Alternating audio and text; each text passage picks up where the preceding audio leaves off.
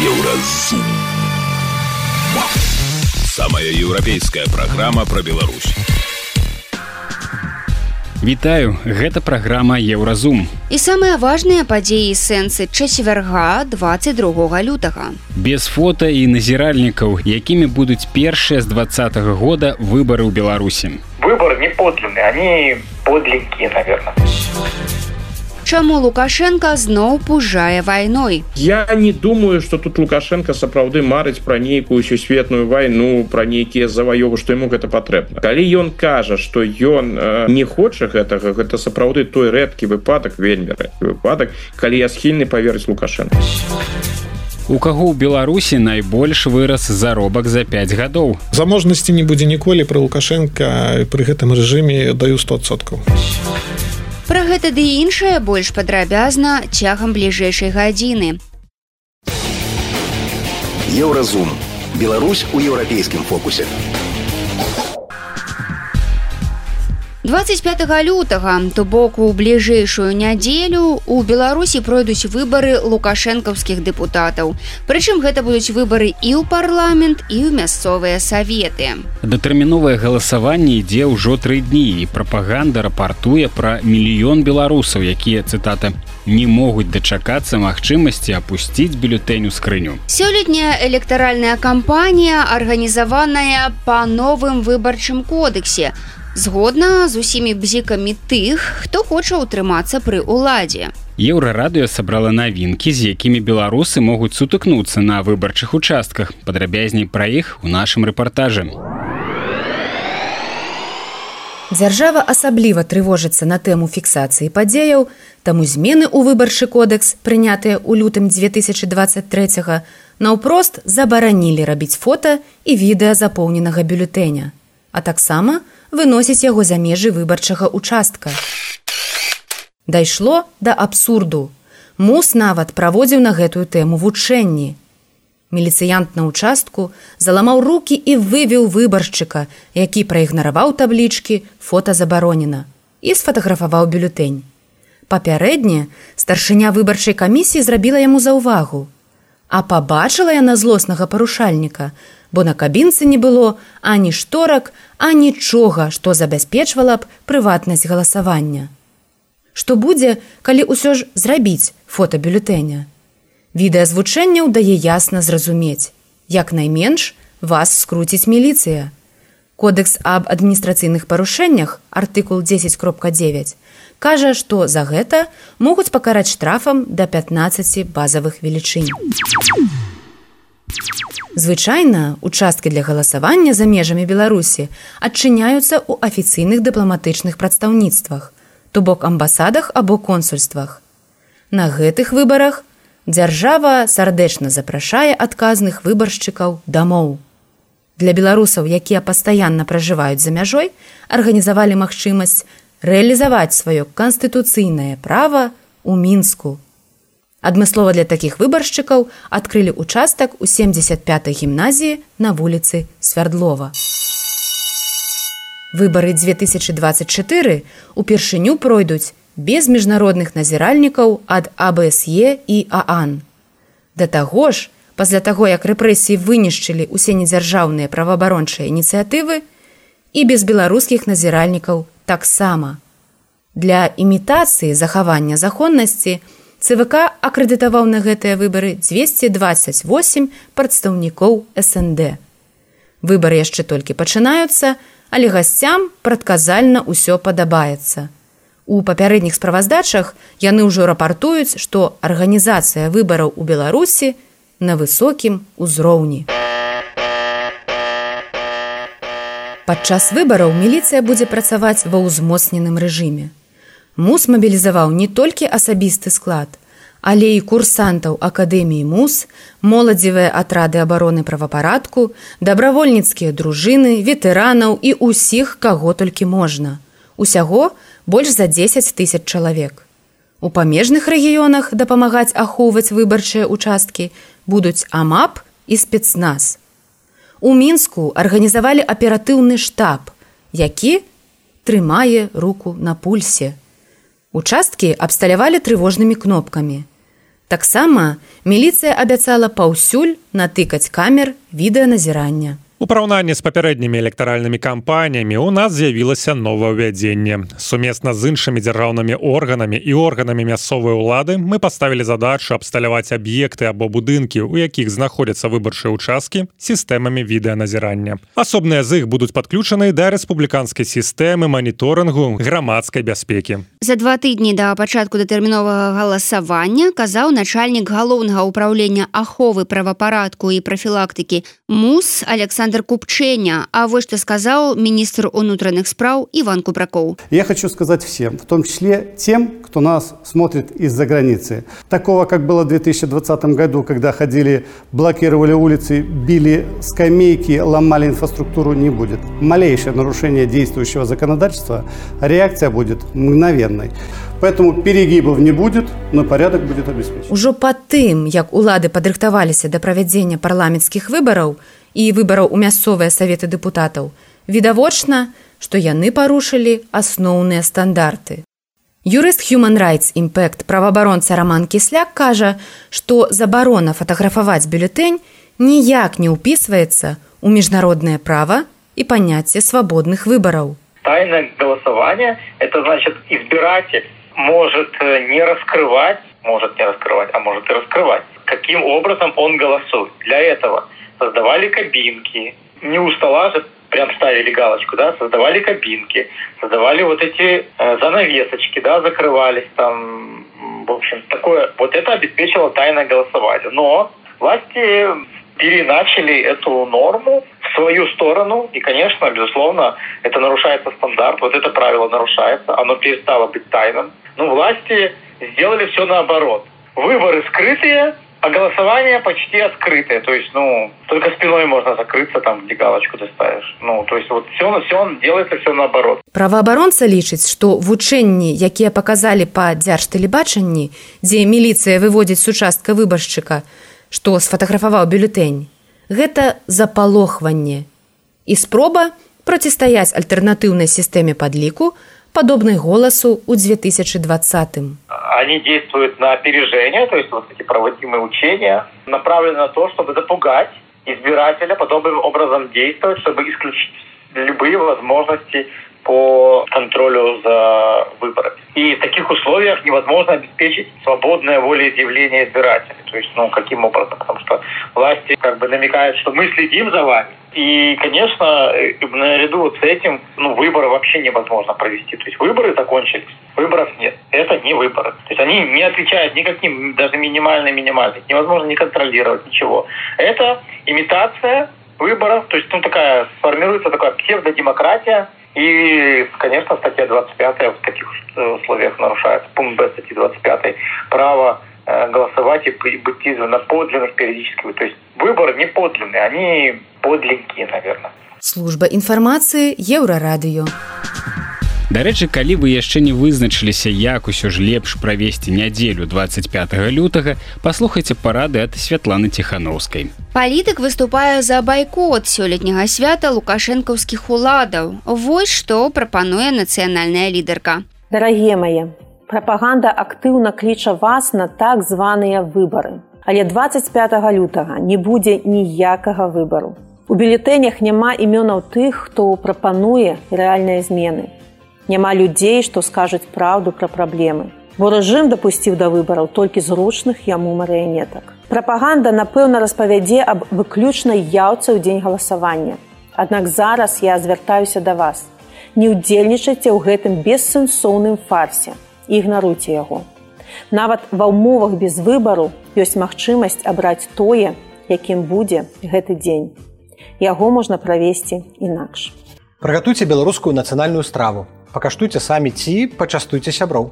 Наведайце музей або далучыцеся да экскурсіі. Даведвацца новае заўсёды файна. Узгадайце пра спорт. Подцягнуцца 15 разоў. Пад'ём пераваротам 6 і будзе клас. Сустрэньцеся з сябрамі альбо злаце зум гутарку з тымі каго давно не бачылі але вельмі хацелі б абняць. 25 лютага застаньцеся дома. І ад 10 гадзіны раніцы па мінскім часе на ютюбе глядзіце марафон Дарагія мае, вы самі можаце абраць, як правесці гэты дзень. Але галоўнае, правядзіце яго з карысцю для сябе а не для рэжыму еўрарадыё кропка фм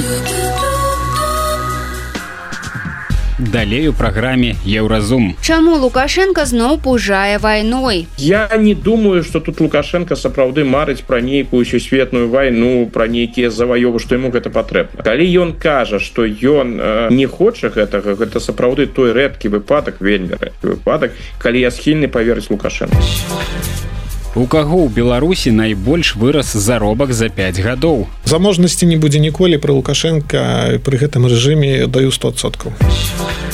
Сустрэнемся пасля навінаў спорту. Еўразум. Беларусь у еўрапейскім фокусе.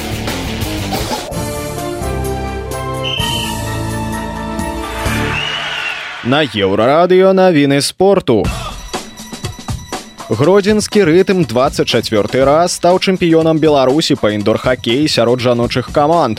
У фінальнай серыі былі атрыманыя дзве перамогі над баранавіцкім тэкстыльшчыкам. Бронзавыя медалі ў мінска. Гандбалісты мяшкоў Брэста атрымалі двадцатую перамогу запар у чэмпіянаце Беларусі. У чацвёрты раз у гэтым сезоне яны абыгралі свайго галоўнага саперніка мінскі ска 27-26. Далей будуць матчы плей-офф. Чвэрцьфінальныя серыі працягнуцца да дзвюх перамог. У беларускай хакейнай экстралізе віцебск выйграў у магілёва і гарантаваў сабе як мінімум другое месца па выніках рэгулярнага чэмпіянату. Па-ранейшаму лідырыя салігорскі шахцёр. У чарговых матчах адной восьмай фіналу футбольнай лігі чэмпіёнаў порту выйграў у арсенала 1-0. Напалі і барселона згулялі ў нічю 1-1. Гульні ў адказ 12 сакавіка былога футбаліста барсы і зборнай бразіліі дані алвеса прызналі вінаватым у згвалтаванні дзяўчыны ў начным клубе. Суд прайшоў у іспаніі. Сорокагадовы алвес асуджаны на чатыры з паловай года турмы. Таксама ён павінен выплаціць пацярпелай 150 тысяч еўра. Гэта былі навіны спорту. Заставайцеся на еўрарадыё. Еўра радыё моц настрою Днямі Лукашенко заклікаў беларусаў ментальна і стратэгічна рыхтавацца да трэцяй сусветнай вайны і заявіў, што асцярогі наконт яе магчымасці насамрэч не беспадстаўныя. Маўляў, далучэнне Швецыі і Фінляндыі да НАТО гэта ўжо чарговы этап экспансіі на ўсход. Затым па яго прагнозах у альянс будуць уцягнутыя Боснія і Герцагавіна, Малдова, Грузія і Сербія і ўсё па сцэнары Украіны. І паколькі мінск знаходзіцца ў эпіцэнтры вайскова-палітычнага канфлікту, а апетыты захаду будуць нарастаць, то Беларусь наўрад ці пазбегне непасрэднага ўдзелу ў гэтых працэсах. Натуральна, што вайна адна з любімых тэмаў лукашэнкі і ён не ўпершыню пужае ёй беларусаў. Але сёння міністр абароны Хрэнін заявіў пра сумесныя з рассіяй вучэнні ў Беларусі ў 25 годзе і некаторыя лічаць, што следам Расія нападзе на краіны захаду. Пра гэта ўсё часцей гавораць аналітыкі. Наш рэдактар Зміцер Лукашук пацікавіўся, што думае пра цяперашнія заявы лукашэнкі, палітычны аглядальнік гісторык Александр Фрыдман. Наш глядач под нікам Макссім піша відаць дзяды вырашылі паспрабаваць нато на зуб у 25 годзе як лічы спадар Фрыдман Вось сапраўды заявы хрэніна про тое что чарговыя вялікія сумесныя беларуска-расійскія вучэнні пройдуць на тэрыторыі Беларусі ў 25 годзе пасля вучэнняў якія сталі штуршком і пачаткам агрэсіі супраць Украіны насцярожваюць. Як вы это ўсё аналізуеце Ну я пачну з гэтага пытання якое спадар Макссім задаў. Я б тут гадзіўся але трошки паправіў тут хутчэй за ўсё не дзяды вырашылі ўсё ж таки один конкретны дзед калі тут гаворка ідзе а другі персонаж які ўсім вядомы Ну яго тут роля абмежаваная і другасная Ну тым сэнсе что ён конечно дапамагае але ён не вырашае гэтые пытанні тая гісторыя з тымі вучэннямі якія яны плануюць Ну гэта вельмі блізкая да таго что я назваў бы дацкім сцэнарыем дацкім сцэнарыем бо гэта той сцэнарый з якога сыходзіць военная выведка Даніі. Яны лічаць что такія вучэнні сапраўды будуць будзе канцэнтрацыя войскаў на мяжы. Гэта один спосабаў правакацыі но яны не адказваюць на пытанне як это можа ў выніку выглядаць. Ну самым небяспечным выглядзе калі яны сапраўды сабяруць гэтыя войскі але не зробяць тое что было у 22 годзе. То бок яны застануцца на мяжы паспрабуюць панерваваць палякаў літоўцаў латышоў і іншыя краіны і іншыя краіны НАТО а потым усё скончыцца такі сцэнар магчымы Магчымы канешне і розныя правакацыі датчане таксама сыходзяць менавіта з правакацыі там можна і паветраную прастору парушаць ну ўсё что ўсё что загодна зайсці на тэрыторыю іншай краіны потым выйсці то бок сапраўды прашупаць паглядзець паглядзець на тое якая якая будзе будзе рэакцыя дарэчы у найгоршым выпадку можна нават паглядзець сіламі лукашэнкі. То бок калі паветраную прастору будзе парушаць не расійская авіяцыя а беларуская авіяцыя калі заходзіць там на тэрыторыю Польшчы там на некалькі хвілінаў будуць беларускія вайскоўцы а не расійскія вайскоўцы альбо расійскія вайскоўцы ў беларускай форме калі калі жадаеце так что так датчане сыходзяць менавіта з таго что наступным этапам будзе прашупаць паглядзець наколькі рашуча готовая рэагаваць наты ў гэтым сэнсе гэта канешне сцэнарый по 20 25 год і у тым мы ж яшчэ не ведаем хто ў 25 годзе будзе знаходзіцца на пасаце прэзідэнта злучаных штатаў Так что гэта ўсё цалкам магчымае мы яшчэ одну рэч можемм прычапіць я не ведаю ці гэта апошні ці перад апошні допіс мядзведзева я ведаю что мядзведзева успрымаюць як фігуру такую абсалютна інфантыльную як такога дзівака які піша абсалютна жахлівыя рэчы і звычайна нават у не лепшым стане так бы мовіць. Гэта гісторыя з яго алкагалізмам так званым. Яна ж таксама вядомая. Так бы з яго пацяшаюцца і кажуць Ну что вы тут робіце? Мядзведзева вы ўжо каменціруеце я б тут таксама быў бы вельмі асцярожны. Як бы нам не атрымалася такая сітуацыя что гісторыкі будучага будуць глядзець тэксты вось гэтага мядзведзева которого пераважная большасць сёння лічыць таким злобным клоунам і будуць казаць вы куды усе глядзелі? Вы смяяліся з яго а вось гэты мядзведзяў пісаў менавіта тое что потым і адбылося. Дарэчы у гісторыі мы маем такі выпадак. Двадцатые годы і тое что пісаў гітлер якога таксама разглядалі як фігуру абсолютно маргінальную. Ну піша там ён піша нейкія абсолютно дзікунскія рэчы. У 33 годзе прыйшоў да ўлады і стаў сваю праграму тое пра што ён казаў яшчэ ў двадцатые годы гэта стала нямецкай рэальнасцю а потым еўрапейскай рэальнасцю. Дык вось чаму я пачаў з мядведзем что піша мядведзяў ён піша піша ізноў пра Кіев і прычым піша ну сёння так шлях да Киева яшчэ далёкі але ён сыходзіць з таго што Росіі прыйдзецца гэты шлях да Киева прайсці Ну ён спадзяецца на тое што яна да Киева дойдзе. Ну мы можемм себе задаць вельмі лёгкае пытанне і лёгка адказаць на яго будзе. А як дайсці да Киева калі б не праходзіць праз Беларусь Ну вось сёння ён кажа не а 25 год гэта ўсё ж таки заўтра вяртаючыся до лукашэнкі. Я не думаю что тут лукашенко сапраўды марыць пра нейкую сусветную вайну пра нейкія заваёвы што ему гэта патрэбна калі ён кажа что ён э, не хоча гэтага гэта сапраўды той рэдкі выпадак вельмі выпадак калі я схільны поверыць лукашенко звычайно калі лукашенко нешта кажа для мяне прынцып дзейнічае такі. Калі там няма доказаў на 100соткаў что гэта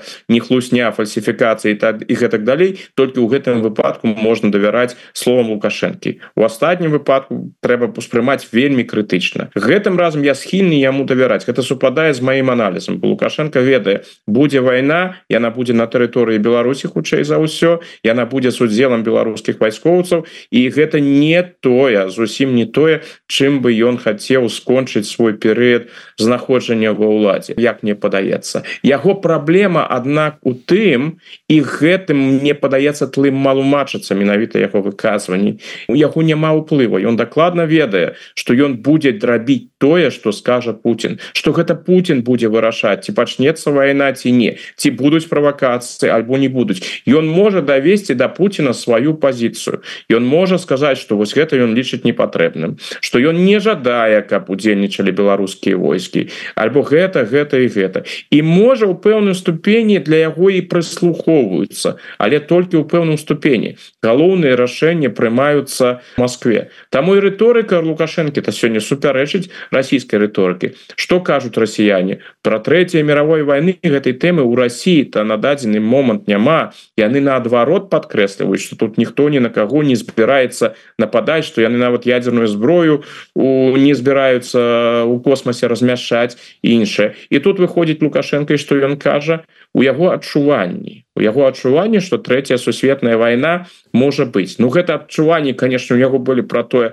что захад нападзе гэтые вельмі смешныя выказванні але ўсё ж таки тональнасць от расійскай адрозніваецца. а Працягваем размову з палітычным аглядальнікам і гісторыкам Александром Фрыдманам. Вам не падаецца ўсё ж таки, што Лукашенко, які вельмі э, шмат гаворыць рознай бязглуздзіцы абы ляпнуць альбо там на, на публіку там падагрэць, час ад часу ўсё ж таки э, выказвае тое, што э, сапраўды недзе там рыхтуецца, ну і каб вот э, там сваю значнасць абазнанасць э, напярод цягніка бяжыць э, час ад часу. І вось гэтая сітуацыя пра э, у стыле А я вам сейчас покажу откуда на Поль Польшу готовилась нападение. Его словы про тое что там нібыта некіе там спецслужбы заходние рыхтуюць некіе правокацыі ці дыверсіі супраць грамадзянской супольнасці грамадства у Польшы каб потым авінаваціць Беларусі Россию. А можа сапраўды нешта і рыхтуецца только не спецслужбами заходнімі а аккурат таки расійскімі там плюс-мінус беларускімі каб э, вот ўсё ж таки накаліць атмасферу вы маеце вы маеце на увазе что можа калісьці мы даведаемся что лукашенко яшчэ і быў майстрам эзопавай мовы что ён дасылаў дасылаў таким вось э, складаным чынам месаджы у надзеі что гэта на захадзе зразумеюць. Ну я б гэта прынцыпова канешне не выключаў бы тому что мы ж сітуацыю ведаем. Ведаем якая яна на ўсходзе что чагосьці можна чакаць ад усхода но калі гэта так то мне падаецца калі мы вось паглядзім на публічную рэакцыю з таго ж польскага боку то гэтыя месаджы лукашэнкі Ну мне падаецца ўсё ж таки асабліва асабліва не зразумелі. І калі яны ўвогуле былі гэтыя месаджы у чым я шчыра кажучы сумняваюся. Я б не выключаў і можа калісьці мы даведаемся будзе очень вельмі цікава что у рэжыма лукашэнкі увесь гэты час пасля 2022 года пасля прамога расійскага нападу на Украіну ёсць ёсць прамая у пэўным ступені альбо праз пасярэднікаў камунікацыя захадам і што захаду лукашэнкаўскі бок таксама даводзіць сваю сваю пазіцыю і менавіта імкнецца прадэманстраваць што не мае ніякага дачынення да расійскай імперыялістычнай палітыкі для расійскіх аперацыяў а лукашенко то бок мусіць гэта рабіць бо калі ён гэта не зробіць усё будзе яшчэ горш Магчыма что гэтыя наратывы і сапраўды даводзяцца. Но тое что лукашенко агучвае раз пораз не гаворыць про тое что там камунікацыя нейкім чынам добра працуе. Мы ж бачым гэта ўжо колькі разоў гэта у лукашэнкі было что ён напрамую звяртаецца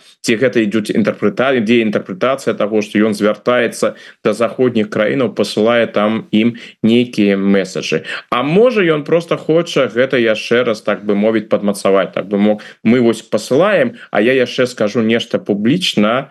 Вось хаб яны там лепш разумелі. Ну гэта ўжо такая унутраная кухня. Мы можем ацэньваць толькі публічныя заявы. Можа і лукашенко разглядаюць у рознай аналітыкі над якой працуюць у міністэрствах замежных справ там Польшчы літвы альбо альбо Геррманіі можа там усё выглядае зусім інакш. У публічнай прасторы выглядае пакуль так что тое что там кажа лукашенко успрымаецца прыкладам так ну что вы что вы тут жадаеце? Гэта гэта лукашенко.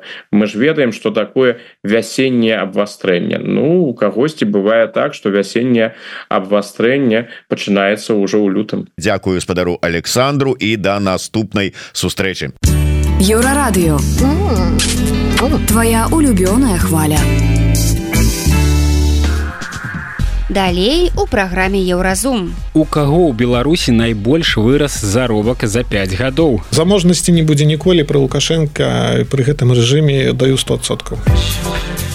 Сустрэнемся пасля навіну шоу-бізу. Еўрарадыё. Твая улюбёная хваля. Шоу-біз.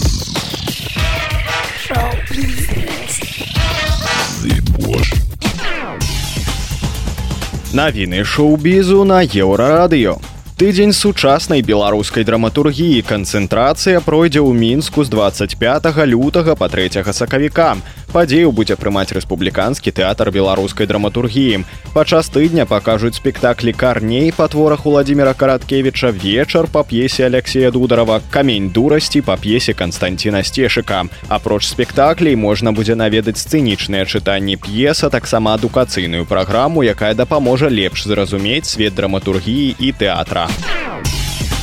Мастак Алексей Кузьміч зноў прыязджаў у Беларусь праз два месяцы яго эвакуявалі. Гэтая эвакуацыя экстраардынарная тым, што чалавек неаднаразова падвяргаў сябе небяспецы, вяртаючыся ў Беларусь, што пацягнула за сабой значныя наступствы і стварыла дадатковую нагрузку на службу эвакуацыі, паведамляе байсол. Кузьміч вяртаўся ў краіну з вымушанай эміграцыі ўжо другі раз. Цяпер жа ён называе прычынай вяртання сямейнай абставіны. Хацеў развітацца з цяжкахворай бабуляй. Рэмейк вядомага амерыканскага мультсерыяла аватар легенда аб апошнім магу паветра ад Netflix расчараваў прыхільнікаў любімай стужкі. Новая гісторыя распавядае пра аанга маладога героя, якому даручана авалодаць усімі чатырма элементамі, каб выратаваць свет. Выправіць няўдачы экранізацыі 2010 года ў рэмейка не выходзіць, піша The Hollywood Reporter паспешлівы аповед і няўклюднае выкананне прымяншаюць эмацыянальную глыбіню арыгінала. Нягледзячы на разнастайны акцёрскі склад, у рэмейку не ўдалося перадаць магію яго папярэдніка. Неаднаразовы намінант на прэмію Оскар рэжысёр Сэм Мендес плануе зняць чатыры асобныя фільмы пра кожнага ўдзельніка Бітлз, Пола Маккартні, Джона Ленана, Джорджа Харрысона і Рынга Стара. Гэтыя фільмы будуць перасякацца, каб апавядаць пра шлях культавага калектыву. Для мяне вялікі гонар расказваць гісторыю вялікага рок-гурта і я рады кінуць выклік паняццю таго, што такое падыход у кіно кажа Мендес. Sony Pictures Entertainment будзе фінансаваць і распаўсюджваць усе чатыры фільмы. Падрабязнасці аб планах выпуску будуць агучаныя пазней, але студыя абяцае, што стратэгія будзе інавацыйнай і наватарскай. Гэта былі навіны шоу-бізу, заставайцеся на еўрарадыё.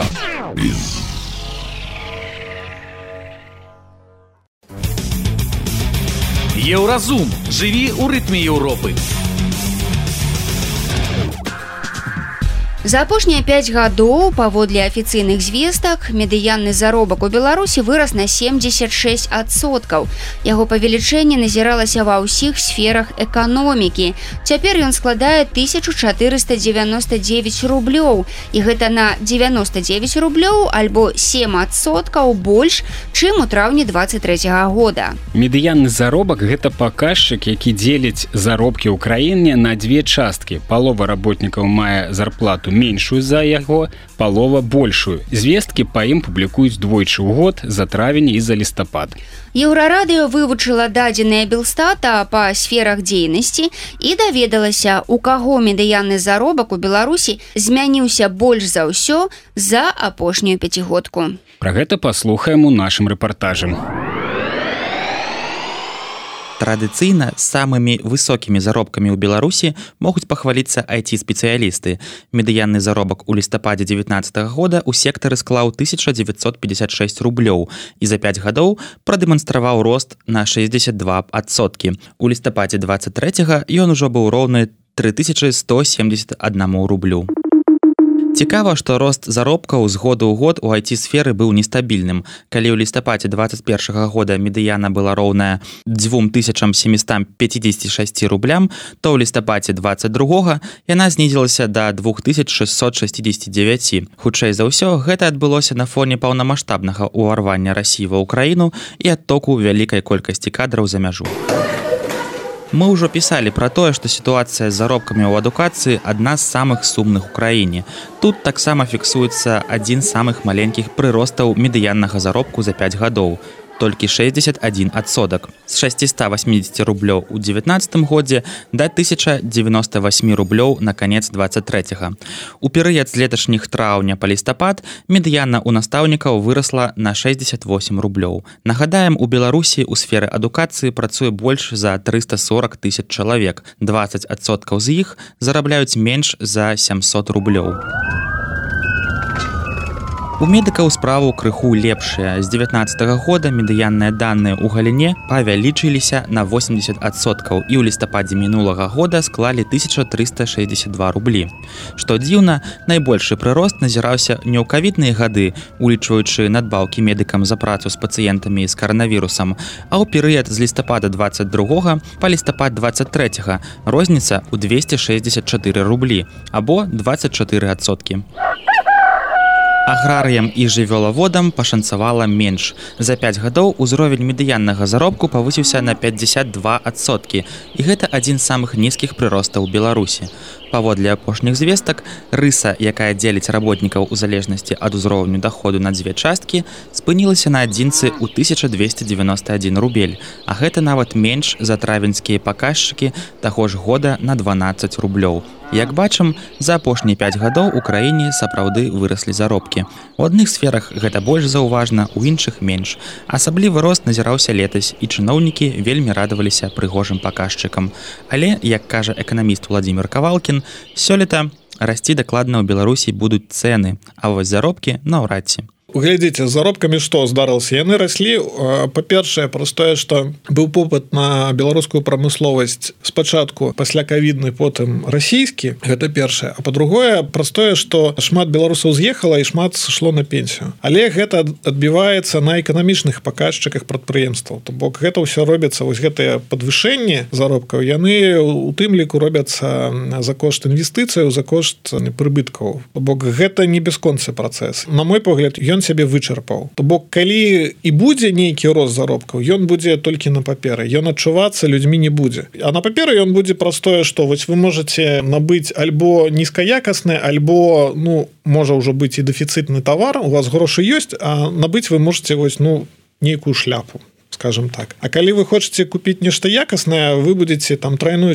чацвярную цену платіць Ну вось як у познім саўку з джинсами то бок трэба было ўсю зарплату аддаць за адне джинсы. Але ну з голым задам ніхто не хадзіў можна было прыйсці ў краму і купіць там жудасныя гэтыя савецкія штаны. То бок вось вось гэтыя жудасныя савецкія штаны вы заўсёды купіце але калі вы захацеце купіць нешта больш прыгожае прыемнае ну дзве зарплаты давай. Апроч таго расчароўвае владимир кавалкін беларусам не варта чакаць чакаць заробкаў у тысячу долараў ну по 500 жа здаецца ўжо людзі зарабляюць пра што так клапаціліся чыноўнікі у эканамічнай навуцы распрацавана добра гэты тэрмін то бок усе краіны даволі хутка растуць да сярэдняга ўзроўню А вось каб расці далей за сярэдні ўзровень трэба праводзіць структурныя і інстытуцыянальныя рэформы бок змяняць інстытуты змяняць аўтарытарызм на дэмакратыю рабіць незалежны суд а верхавенства права і вось гэтае ўсё тое што лукашенко ніколі не зробіць. То бок самае аптымістычнае для беларусаў гэта вось скакаць паміж беднасцю і пасткай сярэдняга доходу заможнасці не будзе ніколі пры лукашенко пры гэтым рэжыме даю 100соткаў служба інфармацыі еўрарадыо